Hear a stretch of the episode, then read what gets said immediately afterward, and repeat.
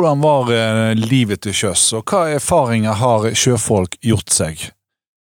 Dette her er tredje episode i en miniserie i Museum Vestpodden som handler om akkurat det her med livet til sjøs. Gjest i studio er Eilif Harbitz eh, Rasmussen. Veldig hyggelig at du ville være med. Velkommen. Tusen takk.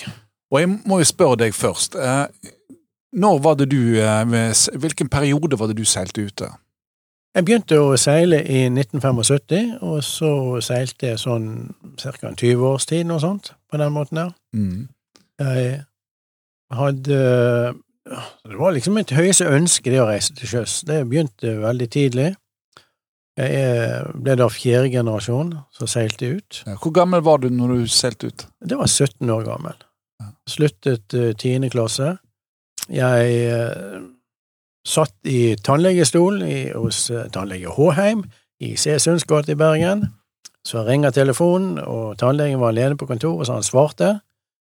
Og så sier han i telefonen ja, jo, og så legger han på, og så kommer han tilbake igjen til stolen hvor jeg satt, og så sa han gap opp. ja. Det var din far som ringte, du skal til sjøs, han henter deg på gaten om et kvarter. ja. Og det var mitt høyeste ønske, å, å reise til sjøs. Det var, var, helt fantastisk. Ja. Og du har vel kanskje en familie med sjøfolk? Eller? Ja, altså min far var jo uh, kaptein. Uh, han gikk i land i 1963. Uh, da var jeg fem år. Han begynte da hos Morvinkel som mannskapssjef. Jeg trodde mine barndomsben der var i, Vi var i Skipperforeningen på juletrefest. Der viser det seg at jeg traff min kone, men jeg var ikke klar over før jeg hadde truffet henne i, når jeg var 19. Så, så, men vi har helt sikkert gått rundt juletreet sammen. Ja, artig. Det, men det var mitt høyeste ønske. En mørk periode i familien da var liksom at jeg kanskje ville bli maskinist. Oh, ja. Men det klarte min far å slå ifra seg. hva, hva yrke har du hatt til sjøs, da? Altså, jeg begynte jo som dekksgutt. Og så ble jeg jungmann, og så ble jeg lettmatros, og så ble jeg matros. Og så ble det annenstyrmann, førstestyrmann, overstyrmann og kaptein. Mm. Og jeg ble, var heldig, jeg ble kaptein da jeg var 28 år. Jeg fikk beskjed på at jeg da var yngste kapteinen i Morvinkel på 61 år. Ja, 28, det er, det er ikke vanlig, som du sier? Nei, Nei men uh, jeg fikk beskjed at jeg hadde fortjent det. Ja, ja. Og du har virkelig klatret i hierarkiet? Det har jeg. Jeg hadde lang tid som mm. dekksgutt, mm. og youngman var en periode. Lettmatros mm. var ganske kort, og matros ganske kort. Ja. Og du har vært lenge i Mowinckel rederi? Ja, jeg hadde vel 17 år i Mowinckel. Har du vært innom andre rederier òg? Ja, jeg hadde en halv ettermiddag hos Christian Gerhard Jepsen. Der de hadde en sykemønstring av en kaptein. og Så jeg hoppet om bord og, og hjalp de en par måneder. Og etter det så uh, gikk jeg over til uh, uh, Rexton Management. han drev jo rederi på barnetrygden. Han hadde jo seks frysebåter, eller fryseskip, kjøleskip, som han har fått bygget, eller overtatt i i Polen. Og Der var jeg i tre år. Jeg kaller det kokainfarten. Det må du utdype. Ja, altså, vi lastet jo eh, frukt, bananer, eh, ananas eh, i Sentral-Amerika, og gikk da hovedsakelig til Europa, eller inn i Middelhavet, Svartehavet. Vi hadde også noen turer opp til Bridgeport i USA. Jeg hadde Jeg drev med dykking den tiden, og når jeg seilte der, og dykket da sammen med disse som undersøkte skroget for narkotika. Han jeg dykket mest med i Costa Rica, tok de og drepte de med å Han skviste de under båten under, når han var nede og dykket og kontrollerte etter narkotika, og så lastet de container, og så kneftet de han. Han kom opp med propellvannet når de gikk derifra. Har eh, også... Litt av en historie, men, men, dette var på en måte organisert kriminalitet? Altså De brukte skipene til å frakte Skipene ble brukt smugler. til å, å, frakte narkotika. Og eh, vi var en, to turer på, mellom Turbo og, i Colombia og Bridgeport i eh, nord for New York. Og der eh, første natten vi kom ut fra, fra Turbo for dykkerundersøkelse, vi ankret opp i Mønningen, så tok jeg bare på meg dykkerutstyret, og så gikk jeg ned leideren og hoppet ute sammen med da navydiverne Navy-diverne fra colombianske marinen. Og det var fordi at du ikke stolte på dem, sant? Nei, jeg stolte ikke på dem. Jeg ville jo se hva de holdt på med. For Mm. at jeg, Som kaptein så har jeg et visst ansvar. Mm. Det spinn hakke gale å gjøre sånne ting, men jeg fant nå ut jeg skulle gjøre det. Og den undersøkelsen jeg gjorde, den var meget, meget slett. Og jeg, hadde, jeg kjente jo eh, skroget etter den dykkingen jeg hadde gjort da i Costa Rica sammen med, med vennen min. Um, og jeg rapporterte dette da til myndighetene i USA på vei nordover, og når vi kom nord til Bridgeport, så var det National Guard, sto på kaien, det lå politibåt på utsiden, og jeg bare overlot nøklene til dem, og så tok de båten, båten mer enn mindre stykk, og satte den sammen igjen, og banankassene ble kontrollert. Kontrollert. Mm. Skikkelig. På en ordentlig måte. På ordentlig måte. Vi hadde to turer, de, samme, de gjorde samme neste tur igjen. Mm. Vi fant ingenting. Nei, ikke på de andre turene heller. Nei. Det gjorde de heller ikke. Men, men når vi snakker om narkotika, og også skipsfarten ble brukt til smugling, eh, men var det sjøfolk som hadde problem med narkotika? Ikke så jeg Ikke meg bekjent. Noen prøvde vel det i land, på lik linje med andre rusmidler.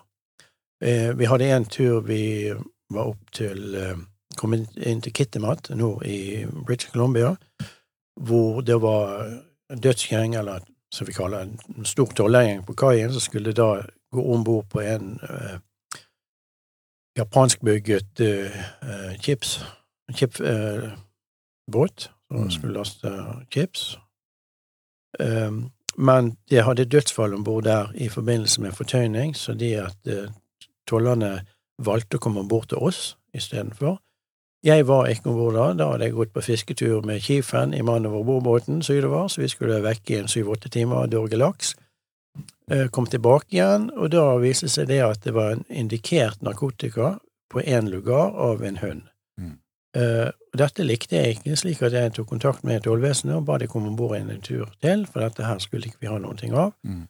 og ble da fortalt at uh, den lugaren de hadde vært på, var det ingenting. Det kunne henge noe igjen fra noen som hadde vært der tidligere, men det, vi var Det var gitt grønt lys for skipet. Det var ingenting galt med skipet. Det var ikke, vi var ikke øremerket for noe videre kontroll, for det at skipet var bra drevet. Det var. Trent mannskap vi hadde. Ja. Men du har jo vært veldig mye på, i fart på Stillehavet òg. Hva type fart var du i der? Altså, vi lastet uh, Forest Product, pulp, trelast i uh, papirruller, craft paper, som de lager kartonger av i Japan. Mm. Uh, lastet det i, i British Columbia, og så gikk vi da til Japan og Korea og losset dette. Korea snudde vi, eh, lastet da mm, gravemaskiner og, og prosjektlast eh, og containere, og det gjorde vi også i Japan, tilbake igjen til Seattle, Bellingham og Vancouver, hvor vi da begynte med trelast igjen, eller Forest Product. Mm. Så det er ganske sånn sam, sammensatt last, egentlig. Det er helt korrekt, ja. Det. Og, og hvor lenge var du i fart på Stillehavet? Jobbet du der? Jeg føler i årevis, altså. Det var det, Jeg gikk der i mange, mange år, da. Og eh, mye dårlig vær. Det ene året hvor Treholt ble, ble dømt, så Altså, en overfart var 14 dager, sånn. sånn i, Fra USA til Japan? ja, Eller fra Canada. Amerika? Ja. Canada? Ja, det var cirka det.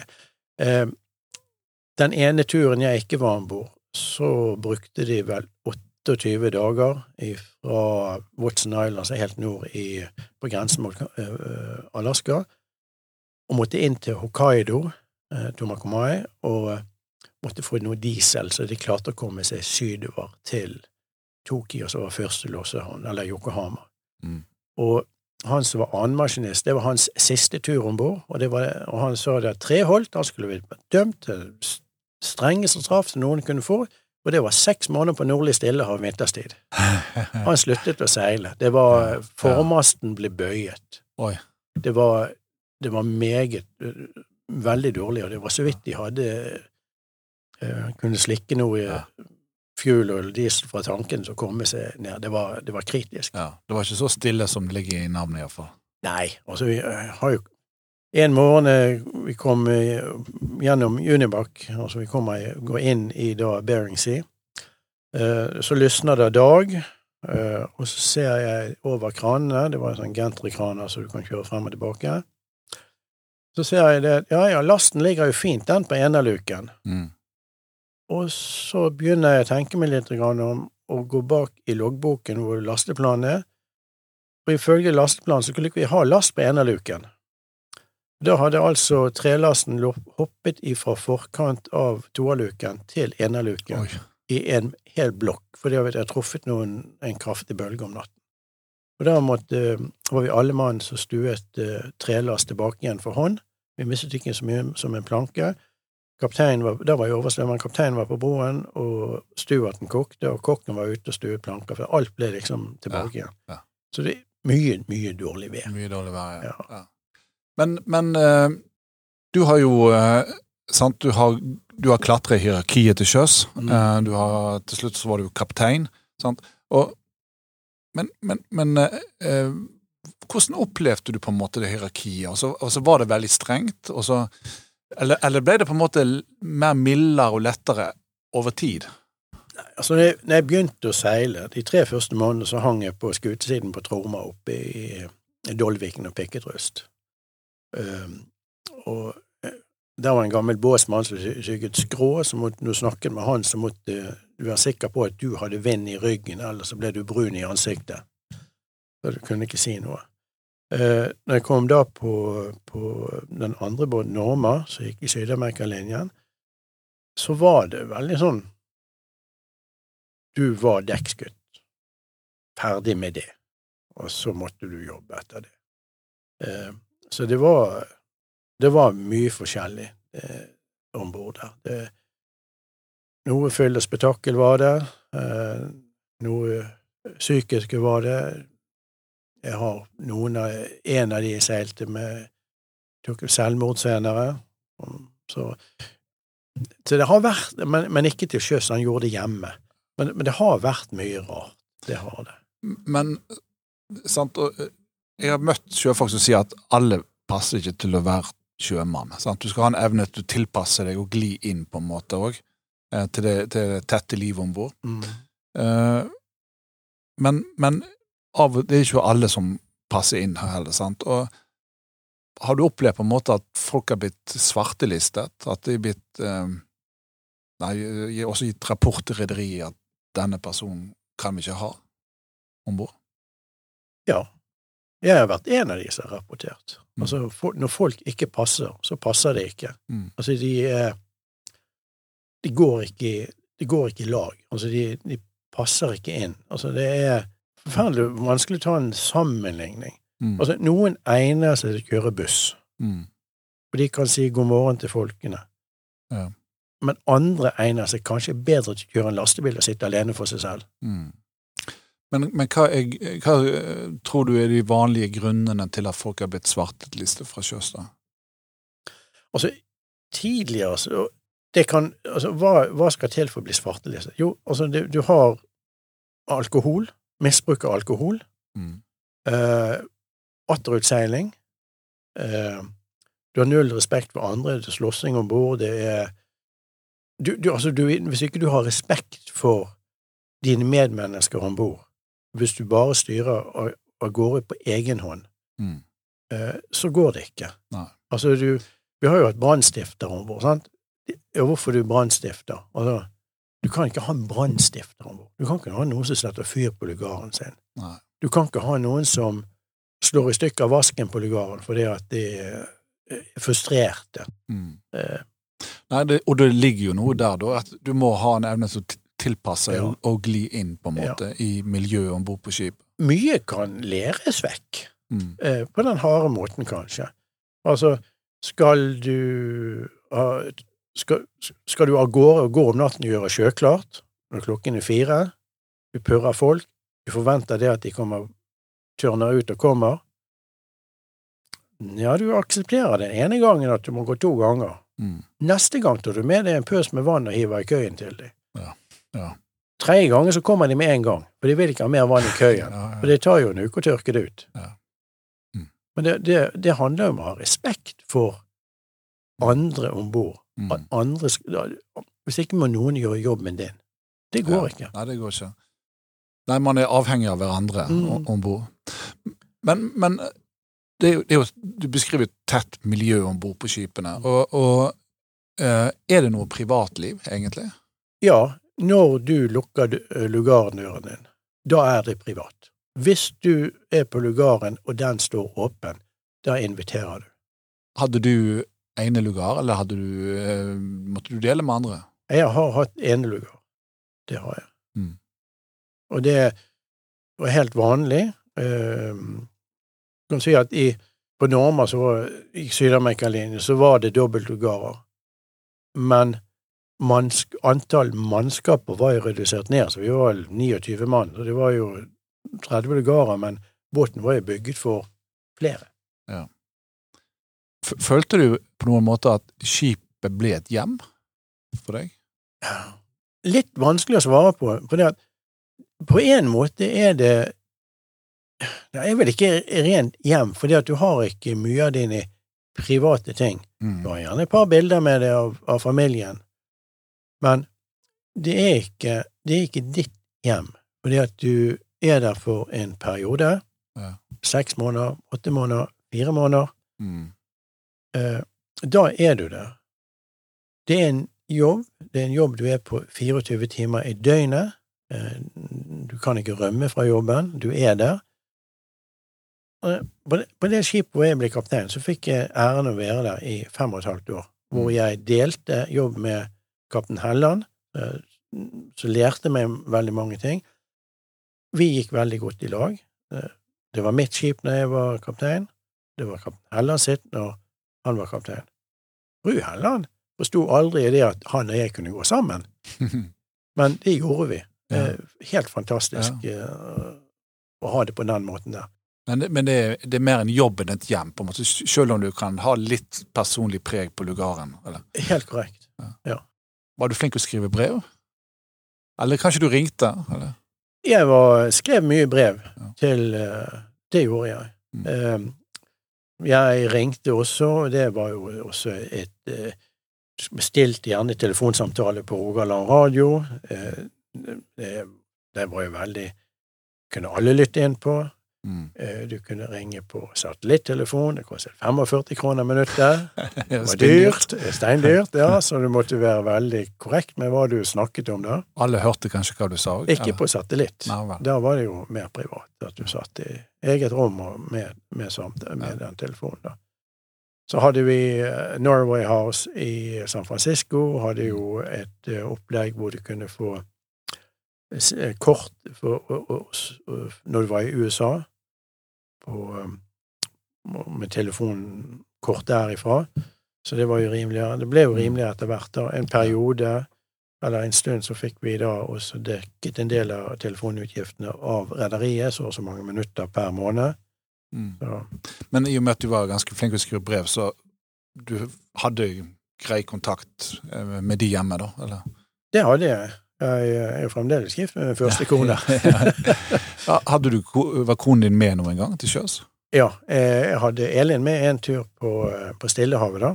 Og eh, da første barnet vårt ble svigerforeldrene tok seg av. Elin var med en rundtur, 60 dager. Eh, Var med og sikret last eh, og kilte trekiler i dekkslasten. Og med og dro på kjetting og pakket den sammen etter vi låste det i Yokohama. Mm.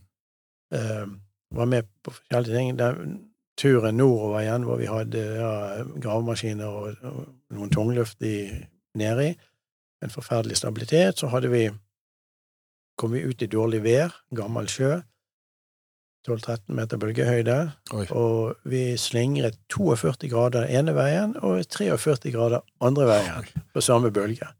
La vi oss på været. Eh, Da var jeg ikke kaptein, var jeg, da var jeg overstyrmann. Ja. Så det Hun har vært med, vet hva det går i. Ja.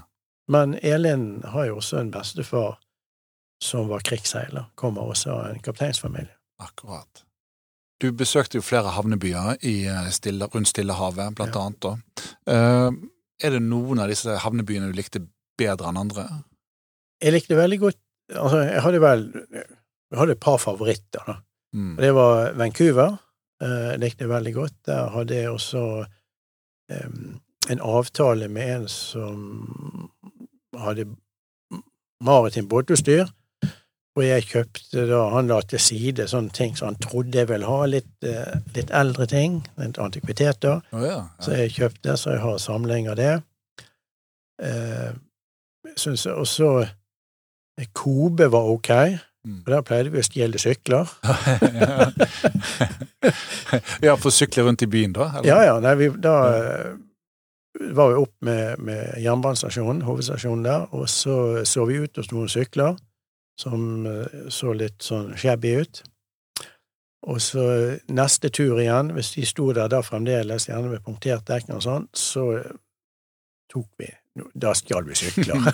Det var, og eh, likte meg veldig godt der i handlegatene, og, og kjøpte kjøpte mye rart. Altså, Ja, hva, hva kjøper du som suvenir når du er ute? jeg kjøpte blant annet et buet glass, og så, fikk, og så laget jeg eh, laget ting selv. Jeg hadde litt sånn um, Jeg likte å holde på med trearbeid, så jeg laget et glassmonter. og kjøpte meg et sånt buet glass og, som akkurat passet til sånn japansk dukke inni. Mm. Ja, laget, laget med skrivebord om bord, med sånn uh, rullesjalusidtopp, så jeg kløyvet eh, eikestokker på kjøttsagen. Mm. Det har jeg fremdeles. Mm. Eh, Men, men, men, men hadde du med gaver hjem til familien og sånt? Eller? ja, vanligvis hadde jeg det. Og det til min kone kjøpte jeg en del klær, da. Jeg husker en gang jeg kjøpte en rød drakt til henne i Kobe, og, var, og den prøvet jeg på.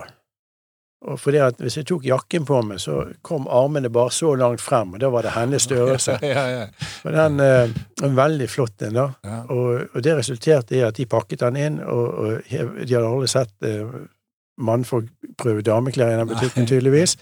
Så de pakket den pent inn og jaget meg ut døren, og, og bukket meg ut døren mange ganger, og jeg tenkte jo ikke mer over det før noen kom springende etter meg, da. Og da hadde de glemt å ta betaling, for de var så overrasket over dette. Eh, så, så, men så kjøpte jeg ja, noen perler og litt sånn eh, smykker, da. Og jeg kjøpte også silke til min kone, så hun kunne sy sin egen eh, brudekjole. Oi. Ja. Så det Så den eh, handler du eh, stoff til i, i, Japan? Ja, for hun var jo utdannet da eh, kjoledrakt syerske, da. Ja. Svennebrev i det, eller fagbrev i det. Og så det da. Hun har tatt andre utdannelser siden. Mm. Ja. Men når du tenker på miljø, altså, eh, mannskap og miljø om bord på Mm. skipene som du har vært på, så jeg, jeg tenker jo at det, det er et ganske mannsdominert samfunn. Mm. Um, og var det kvinner som jobbet, jobbet på de skipene du var på? Det var det. Det var en del eh, hva vi kaller messepiker, da. Mm. Eh, De var gjerne da gift eh, med stuarten, eller gift med elektriker. Og det var vel Det var parforhold. Ja, Det så det var etablerte forhold? eh, Etablerte forhold, ja. Mm. Ellers var det jo Jeg har seilt med all verdens eh, nasjonaliteter. Eh, Filippinsk, eh, Mm. Eh, Island, Argentina, Brasil, Spania, Portugal. Eh, veldig mange canadiere, amerikanere. Mm. Veldig mange nasjonaliteter. Eh, og jeg syns det har vært ok. det at nasjonalitet på de som jobber, spiller for så vidt ingen rolle, bare de gjør jobben sin Mm. og aksepterer det fellesskapet som vi har om bord. Mm. Når merker du på en måte at det, ble flere utenlandske sjøfolk, da? Eh, Det var første Når jeg begynte på Syd-Amerika-linjen, der hadde du eh, tre nasjonaliteter. Du hadde altså, ja, du hadde nordmenn, da. og når år snakker vi jo nå, Da, sånn cirka? da, da er vi i Ja, 1975. 75? Ja. Mm. Du hadde jo trøndere, og så hadde du finnmarkingene. Mm. Eh, hadde veldig mye trøndere og, og nordlendinger der, finnmarkinger. da. Det hadde jo med arbeidsgiveravgift å gjøre. Altså, Ja. Bergensere kostet 13,7 i, i arbeidsgiveravgift, og en nordfra var eh, 6,7% eller noe sånt. Det var lavkost. Ja, det var lavere kost. Vi hadde forferdelig få østlendinger eller sørlendinger. Av en eller annen Mm. merkelig årsak så ville ikke Vormvinkel ha de om bord. Vi har hatt vossinger. Det har fungert. Ja. ja. Men vi hadde fra Portugal, vi hadde fra Brasil, og vi hadde fra Spania om bord. Mm. Det var Så det, det er på en måte etter Dette her er jo i begynnelsen av skipsfartskrisen, sant? Og, Ja, eh, Så, så du merker at da åpnet det seg mer med flere Ja. utenlandske mannskaper. jo eh, det, det som også skjedde da når vi hadde mm, disse utlendingene, var at veldig mange ville ikke ha noe med utlendingene å gjøre. Mm. Eh, jeg hadde ikke noe problem med det, fordi at jeg, Jeg mener at det var rasisme til sjøs. Ja, det var rasisme til sjøs. Jeg hadde ingen problemer med det. Jeg hadde amerikansk mor. Mm. Så jeg var vant med Jeg var vant til utlendinger. Så jeg hadde ingen problemer med å jobbe sammen med dem, eller gå vakt sammen med dem. Mm. mens andre ville helst ikke. Og det, det hadde med språk å gjøre. Jeg, de lærte meg å snakke spansk. Ja. Fordi at jeg hadde, og jeg lærte de norsk, og jeg syntes det var ok. Mm. Og det har jeg hatt stor glede av siden. da. Når vi snakker om uh, de som du har jobbet med altså, Vi har jo en utstilling her på Sjøfartsmuseet i, i disse dager her uh, om skeivhet til sjøs Ja. uh, i- på 60-70-tallet, Ja. og i den perioden da du seilte. På de skipene du var på, merket du noe til skeivhet? Nei, ikke noe videre. De ble kalt hekktrålere. Å ja. Ja, det var ord som de ble brukt på det, og de gikk på sine egne plasser. De var, men de plaget aldri Jeg var jo ung, men Ja. de, de plaget aldri oss unge. Nei. Nei, de holdt seg for seg selv, og, og det var stilletiende akseptert. Det var, var det noe man snakket om, eller var det taushet? Det var taushet. Ja. Ja. Det var ikke Det var en som ble Så jeg sier Kall hekktråler. Han er en hekktråler. Ja vel, ok, så er han hekktråler, da. Mm. Men det var, ikke, det var ikke mer enn det. Det var ikke noe forskjellsbehandling så jeg merket, iallfall. Nei. På, på, på skipene, så sant, Du har jo mange yrkesgrupper òg, sant. Mm. Eh, mer, altså for eksempel på dekk og på maskin og bestikk og Merker du noe forskjell, altså sånn, sånn der, hva skal jeg si, altså litt sånn erting, eller litt sånn mellom de ulike yrkesgruppene? At Det var, ja, det var Tidligere så var det det. Det var et skille. Altså, du eh, Før, før Altså, når, når jeg begynte å seile, så var det jo motormenn og, og smører og Altså, det, da var det et skille. Du satt på forskjellige bord. mm, De svarte satt der, og vi på dekk satt der. ja, De svartsene, svartsen, som noen kalte det. ja, det er de maskin. Det er maskinfolkene, ja. Eh, siden så ble jo det annerledes, fordi at da var vi så få om bord at vi måtte i maskin og hjelpe til. Stempel sjau eller annet. Jeg selv hadde, før jeg fikk lov å komme i maskin, så har jeg seilt kaptein. Mm. Og så røk vi, måtte vi eh, tre sylinderforinger som gikk i stykker samtidig midt i Atlanteren. Og da var alle mann nede, til og med jeg. Da er jeg seilt kaptein allerede å være med og gjøre stempelsjø. Mm. Eh, men sidenhen så er det skillet visket ut, heldigvis. Ja. Men, men, men før var det mer sånn at uh, noen var mer ekte sjøfolk på en måte enn andre? Altså at for eksempel maskin, vi er de ekte, eller Nei, det, nei, det vil jeg ikke si. Altså, det gikk vel mer på Var du smører eller dekksgutt, så hadde du ikke erfaring. Sant? Da var, det var liksom matrosene og eh, båsen og, og tømmermannen var liksom de som hadde mest erfaring og, og, og mest å fare med. Og du som dekksgutt, du skulle bare ikke komme her og fortelle meg. mm, Sånn var det. ja, ja. Før du kunne åpne i kasinoen, så måtte du få ha erfaring. På fritiden, da? Hva, hva gjorde du da? Hva likte du å gjøre? Om bord på skipene, altså? Jeg leste en del. Vi hadde, vi hadde også eh, filmkvelder hvor jeg kjørte film. Eh, Jeg jobbet en del med Kjøpte en del antikviteter, gjerne i messingdeler og sånt, og skrudde fra hverandre og pusset seg sammen igjen og ordnet. Jeg forsøkte meg på eh, dreiebenken i maskinen. To ganger fløy tjoksen forbi ørene mine, så det ga jeg opp. Det var ikke noe for meg. Eh, eh, jeg laget meg et skrivebord om bord, jeg laget noe leketøy til ungene. Altså, jeg laget eh, med treverk. Jeg syntes det Mm. var ok. Knyttet en del makramé har jeg holdt på med. Eh, ja, den type ting, da. Mm. Men var det noe også på eh, oppe i 70-tallet og sånn, var, det- var det velferd til sjøs? Altså, altså, hadde velferden tilbud om bord på skipene?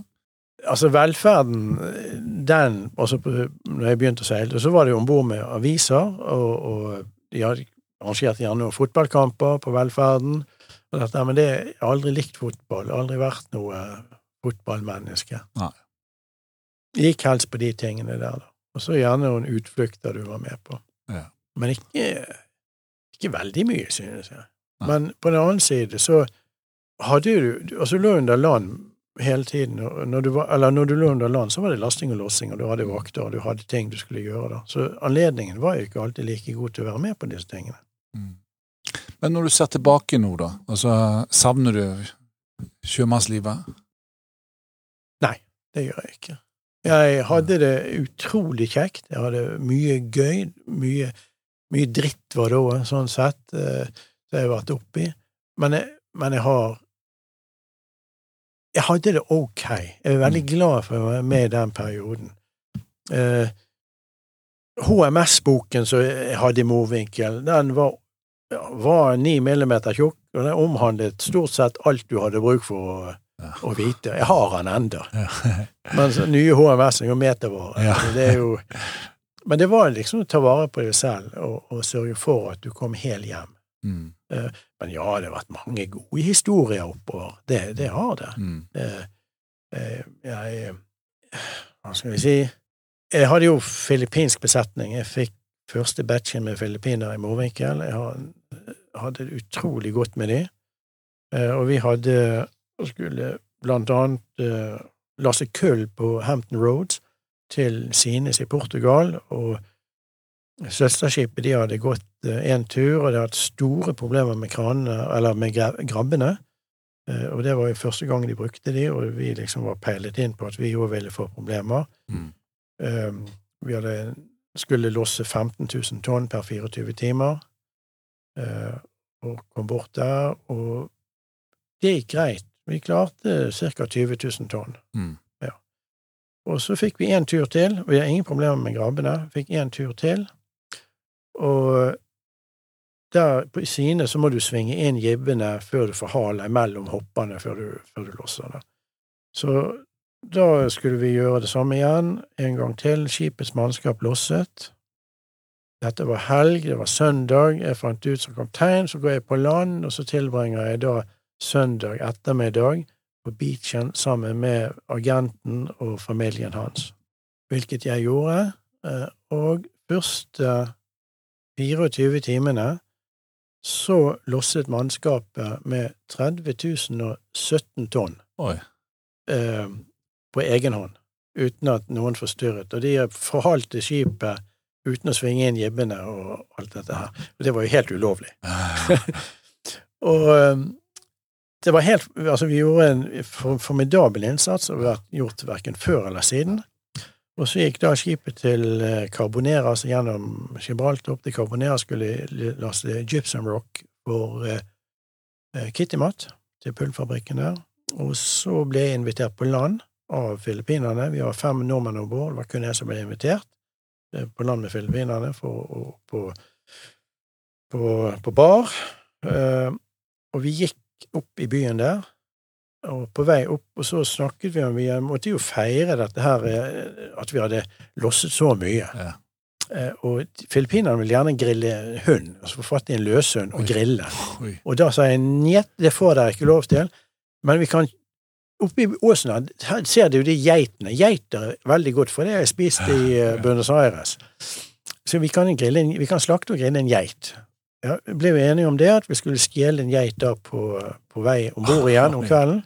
Men da var jo geitene tatt inn på for kvelden. Ja, ja. så jeg måtte jo holde ord, så jeg gikk opp da til, eh, til agenten og sa det at jeg vil gjerne ha fatt i en eh, geit, eller en chivito, en liten geitekilling, som eh, vi skal slakte og ha om bord, sa jeg. Så jeg har lovet det, og Ja, om jeg hadde lov til å gjøre Ja da, så jeg, så jeg signerte på et papir at jeg skulle ha én geit. Ja. Eh, og så ut på dagen så kommer da agenten ned, og han kjørte en Peugeot 504 uh, grå, og i forsetet satt en bonde, og i baksetet sto det en plastpose med noe uh, korn, eh, og i bagasjerommet lå det en geit. Så vi hadde ikke gangvei ned, for vi lå haiet der, det var eh, drag i sjøen, så jeg klatret ned eh, loslederen og hadde med meg en rissekk, eller en stor sånn potetsekk, og fikk da denne geiten oppi der, så ville da bonden gi meg denne eh, kornet, så, så, så to, bare gjorde jeg et sånt tegn over strupen at vi skulle slakte den. Ja. Og de øynene som han satt på meg, har jeg aldri glemt. Ja. Så jeg klatret opp eh, leideren med denne geiten på ryggen, oppi sekken, og så hadde jeg tau i den, så gikk vi bakover um, dekket, hvor den skjedde på dekk, bak på poppen, og der slaktet vi geiten. Ja. Og samtidig så var da mm, Nils Toft fra eh, skip, Ove Friis, skipshandleren om bord, de hadde levert et eh, semitrailer med, med proviant og utstyr. Og før denne geiten var blitt kald, så var historien kommet på rederiet. Fordi at eh, Nils Toft han har snakket med, med innkjøpere på, på rederiet om noen andre ting, og nevnt denne geiten. Hvorpå med far, som var da mannskapssjef, ringer til min kone Elin, og så sier han Elin, hva er denne historien med den geiten Eilif holder på med? Her går det hele verden. Ja, og Elin visste ingenting, Han ante ikke om den geiten i det hele tatt, og, men altså, vi slaktet geiten. Eh, Jeg fikk aldri vite hva geiten kostet, annet enn at den var veldig dyr. Den var spinndyr. Historien slutter ikke der, fordi at da vi gikk fra Carboneras, så skulle vi ha grillparty på vei til Panama, og vi skulle grille denne geiten. Men da kom vi ut i en orkan som het Hugo. Den ødela jo mye av eh, østkysten av statene. Mm. Eh, Vi hadde faste sjøer som rullet over dekk, opp etter kranleggen og rullet over. Det var veldig stygt vær. Og Kifen, som jeg tilbrakte eh, mye tid med, var overtroisk. Han pleide å hive mynter på sjøen for ofring. Han var for nordlending. Så han ville da hive geiten på sjøen og ofre den. Så det resulterte i at den geiten den ble låst inn sammen med brennevinet, for der hadde ikke Kifen eh, eh, masterkey. vi nådde Panama, kom oss gjennom, og så hadde vi grillparty på hinsiden og spiste geiten. Men det er, men det, er- det er en- helt utrolig grei historie. Men det var altså geiten Hugo. Utrolig historie. Ja, da, men, Ja. men tingen var jo det at når du, når du seilte, når du var et sammensveiset mannskap, eller Mm. skulle sveise et mannskap sammen, så måtte du gjøre noe Mm. for fellesskapet. Gjøre noe som engasjerte alle. Mm. Så, så det være seg at eh, Altså, vi lå i streik i, eh, borte i eh, Timaru på New Zealand, og vi skulle over til, til Chile. Jeg kan ikke huske navnet. Og da var det jo Du fikk jo ikke gå storsirkel lenger ned til The Roaring Forties. Og det vi gjorde da, for vi lå hadde ligget i streik i tre uker der borte, så hadde vi økonometer på, på broen som viste hvor mange liter per time vi brukte. Mm. Og det vi gjorde da, bare for å ha noe å gjøre på en, en søndag, en lørdag-søndag, det var det at vi, vi laget råseil i formasten, hvor vi tok eh, gangveisnettet og hang opp i råen, og så tok vi presenning og rullet oppover.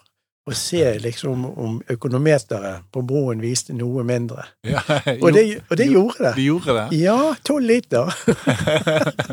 Så dette her kan være litt sånn Vi må tilbake til seil igjen, da. Ja, men du vet, på, på rederiet var de jo redd for at vi skulle seile masten over bord. sant? Ja, ja, ja. Men det var liksom Du laget jo Du laget noe om bord Mm. for å lage et fellesskap, for å ha, gjøre noe gøy. Om det var felles innsats for å slutte å røyke, eller det var veiing hver lørdag for å se om du gikk ned i vekt fordi at vi hadde for god mat om bord, Mm. eller hvis noen klager på maten, så bare pekte vi da koker du.